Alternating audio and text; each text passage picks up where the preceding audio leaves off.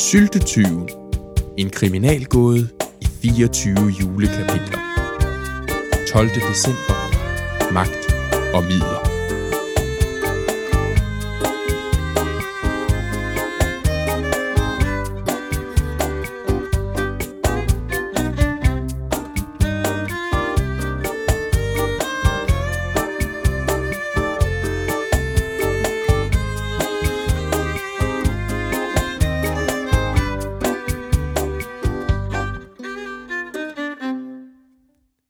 Det er den 12. december. Tid for tillid, tid for tryghed, og ikke mindst tid for en god fortælling. I går hørte vi, hvordan en sønderknust opfinder, Agamemnon Ulkær, opsøgte slagteren for at fortælle ham om gårdsdagens syltetyveri, og også om, hvordan lagerrummet med pølsegrøden var blevet saboteret. På en lille gåtur nåede de to frem til, at landstrygeren måtte være skyldig, i det sylterne først var begyndt at forsvinde efter landstrygerens ankomst til byen. De to stormede mod værtshuset, hvor Katrine, bageren og pastoren dog ikke var til at overbevise.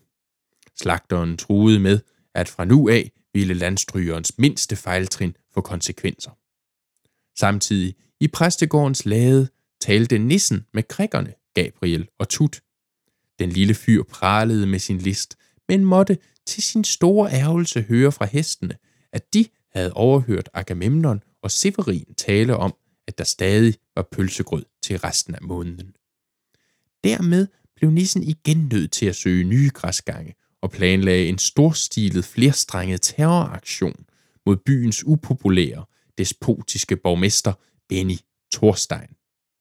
Dagens tekst starter netop i Thorsteins palævilla, hvor borgmesteren glad og selvtilfreds står op og går sin rituelle morgenvandring hen til køleskabet. Endnu en dejlig decembermorgen på tronen, knejsende over mine simple undersåtter. Ha! Rakkerpak, usselt stemmekvæg. Ikke er stemmer, der bekymrer mig. Hvad vil de gøre? Hovedløse kyllinger. Og de siger, der er koldt på toppen. Ja, det skulle da så lige være champagne. Et smørret grin breder sig på borgmesterens ansigt, da han åbner køleskabet.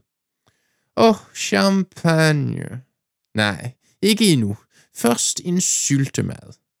Men hov, der er noget, der ikke stemmer. Den stod jo lige her. Tømte jeg den? Nej, ikke tale om. Benny Thorstein forstår da nok at holde styr på den aktuelle syltebeholdning. Et lille hoved titter ind af ruden. Det er nissen, der lurer på borgmesteren. Nå, kammerat, så sylten er væk, var? Vent bare, din gamle korrumperede skrankepave. Jeg er ikke færdig med dig endnu.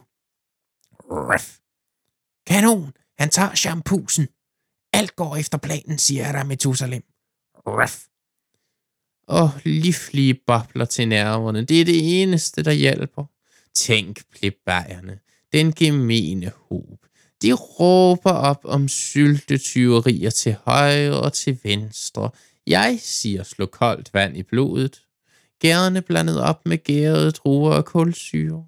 Ja, der skal mere end et par syltetyverier til at slå mig ud. Stadig triumferende tager borgmesteren en flaske fra køleskabet og et højt krystalglas. Han stopper op og tænker sig om. Hmm, lad mig nu se. Spabadet. Spabadet må være det rigtige sted at mærke den pirrende brusen på tungen. Åh, han er æder nem. Lige efter bogen. Methusalem, du kan godt glæde dig. Ruff.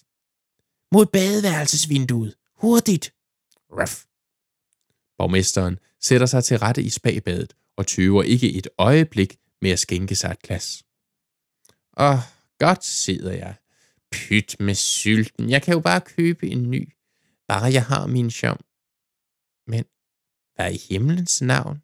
Ingen bobler? Rigtigt, ingen bobler. Kun en nisseskyldne efterladenskaber. Ruff. Magi. Nissemagi. En hustyran må have lidt hjælp, forstår du. Ruff. I samme sekund tager borgmesteren alligevel et ordentligt drag af, hvad han tror er vin. Nej, pøj, føj da, ad, sabotage. Bare vent til han tænder for dyserne. Jeg har brækket mig i dem, har jeg. Ruff. Men bad i fred, det kan man vel få lov til. Næ, næ, hov, det ser mig lidt grumset ud.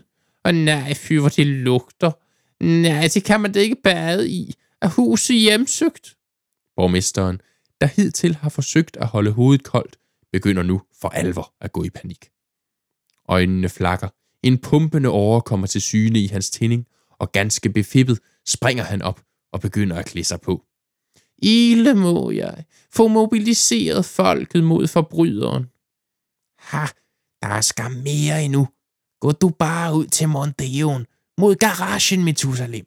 Ruff. Borgmesteren træder kun halvvejs påklædt ud i vinterkulden. Synet, der møder ham, sender et ja værre end den bidende frost gennem hans krop. Garageporten er sværtet til. Store brune bogstaver former ordene V din sjæl. Nej, hvad i alverden? Ikke også min vogn?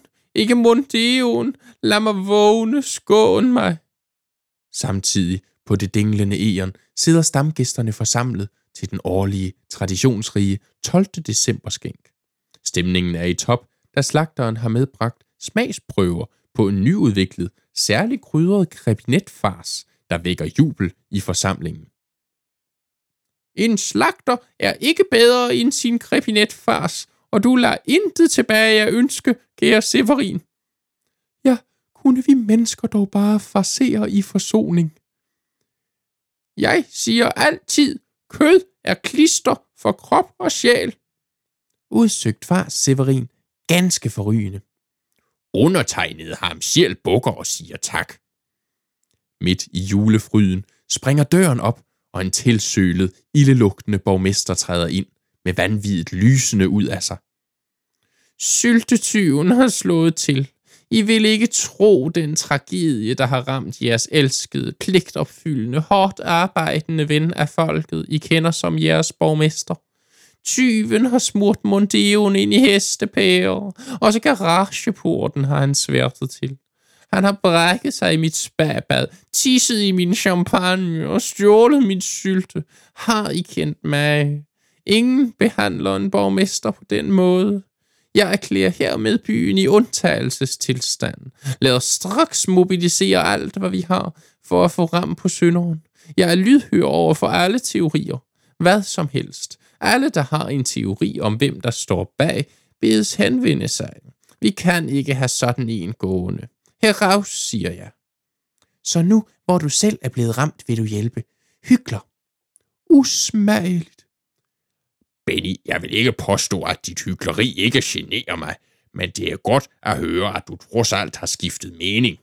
Agamemnon og jeg har faktisk en teori angående den unge landstryger, du talte med for et par dage siden. Ja, ja, ham må det være. Betragt ham som lavløs fra nu af. Katrine himler med øjnene. Åh, så kører vi igen. Samme sang. Ingen beviser. Ingen. Katrine, han er en trussel for os alle. Selv mig. Jeg, som er højt hævet over pøbelen. Jeg er arme stakkel. Hans korpus skal aldrig bryde sig om at vise sig inden for mit synsfelt. Her bryder den ellers så forsigtige pastor skarpt ind. Undskyld, Benny, men jeg må afbryde dine tirader. Jeg har nemlig en ting eller to at skulle have sagt i denne sag. Så længe jeg som en kirkens mand huser ham, og ikke har set andet end en række uklare indicier på hans skyld, der mest af alt minder om uheldige tilfældigheder, må jeg holde hånden over ham. Hos mig har han logi. Forræder, han skal ud, væk, langt væk. Tænk, at en Judas som du kan forkynde Jesus. Her slår bagermesteren i bordet. Så stopper vi. Hvordan er det, du taler til vores pastor? Skam dig. Nej, nu går jeg altså for vidt, Katrine. Det må være ham, der står bag. Hvem skulle det ellers være? Det må I mene, hvad I vil om. Men det er ikke desto mindre min beslutning at tage ham under mine vinger, indtil I kan fremlægge glasklare beviser. Og hermed ønskes I et kort, men dybfølt tak for i dag. Pastoren marcherer resolut ud i kulden og smækker døren bag sig. Severin, Agamemnon og Benny. Vi kan ikke undvære vores pastor. Under ingen omstændigheder. Natten sænker sig, og alt under fred og ro, som det sig hør og bør i december måned.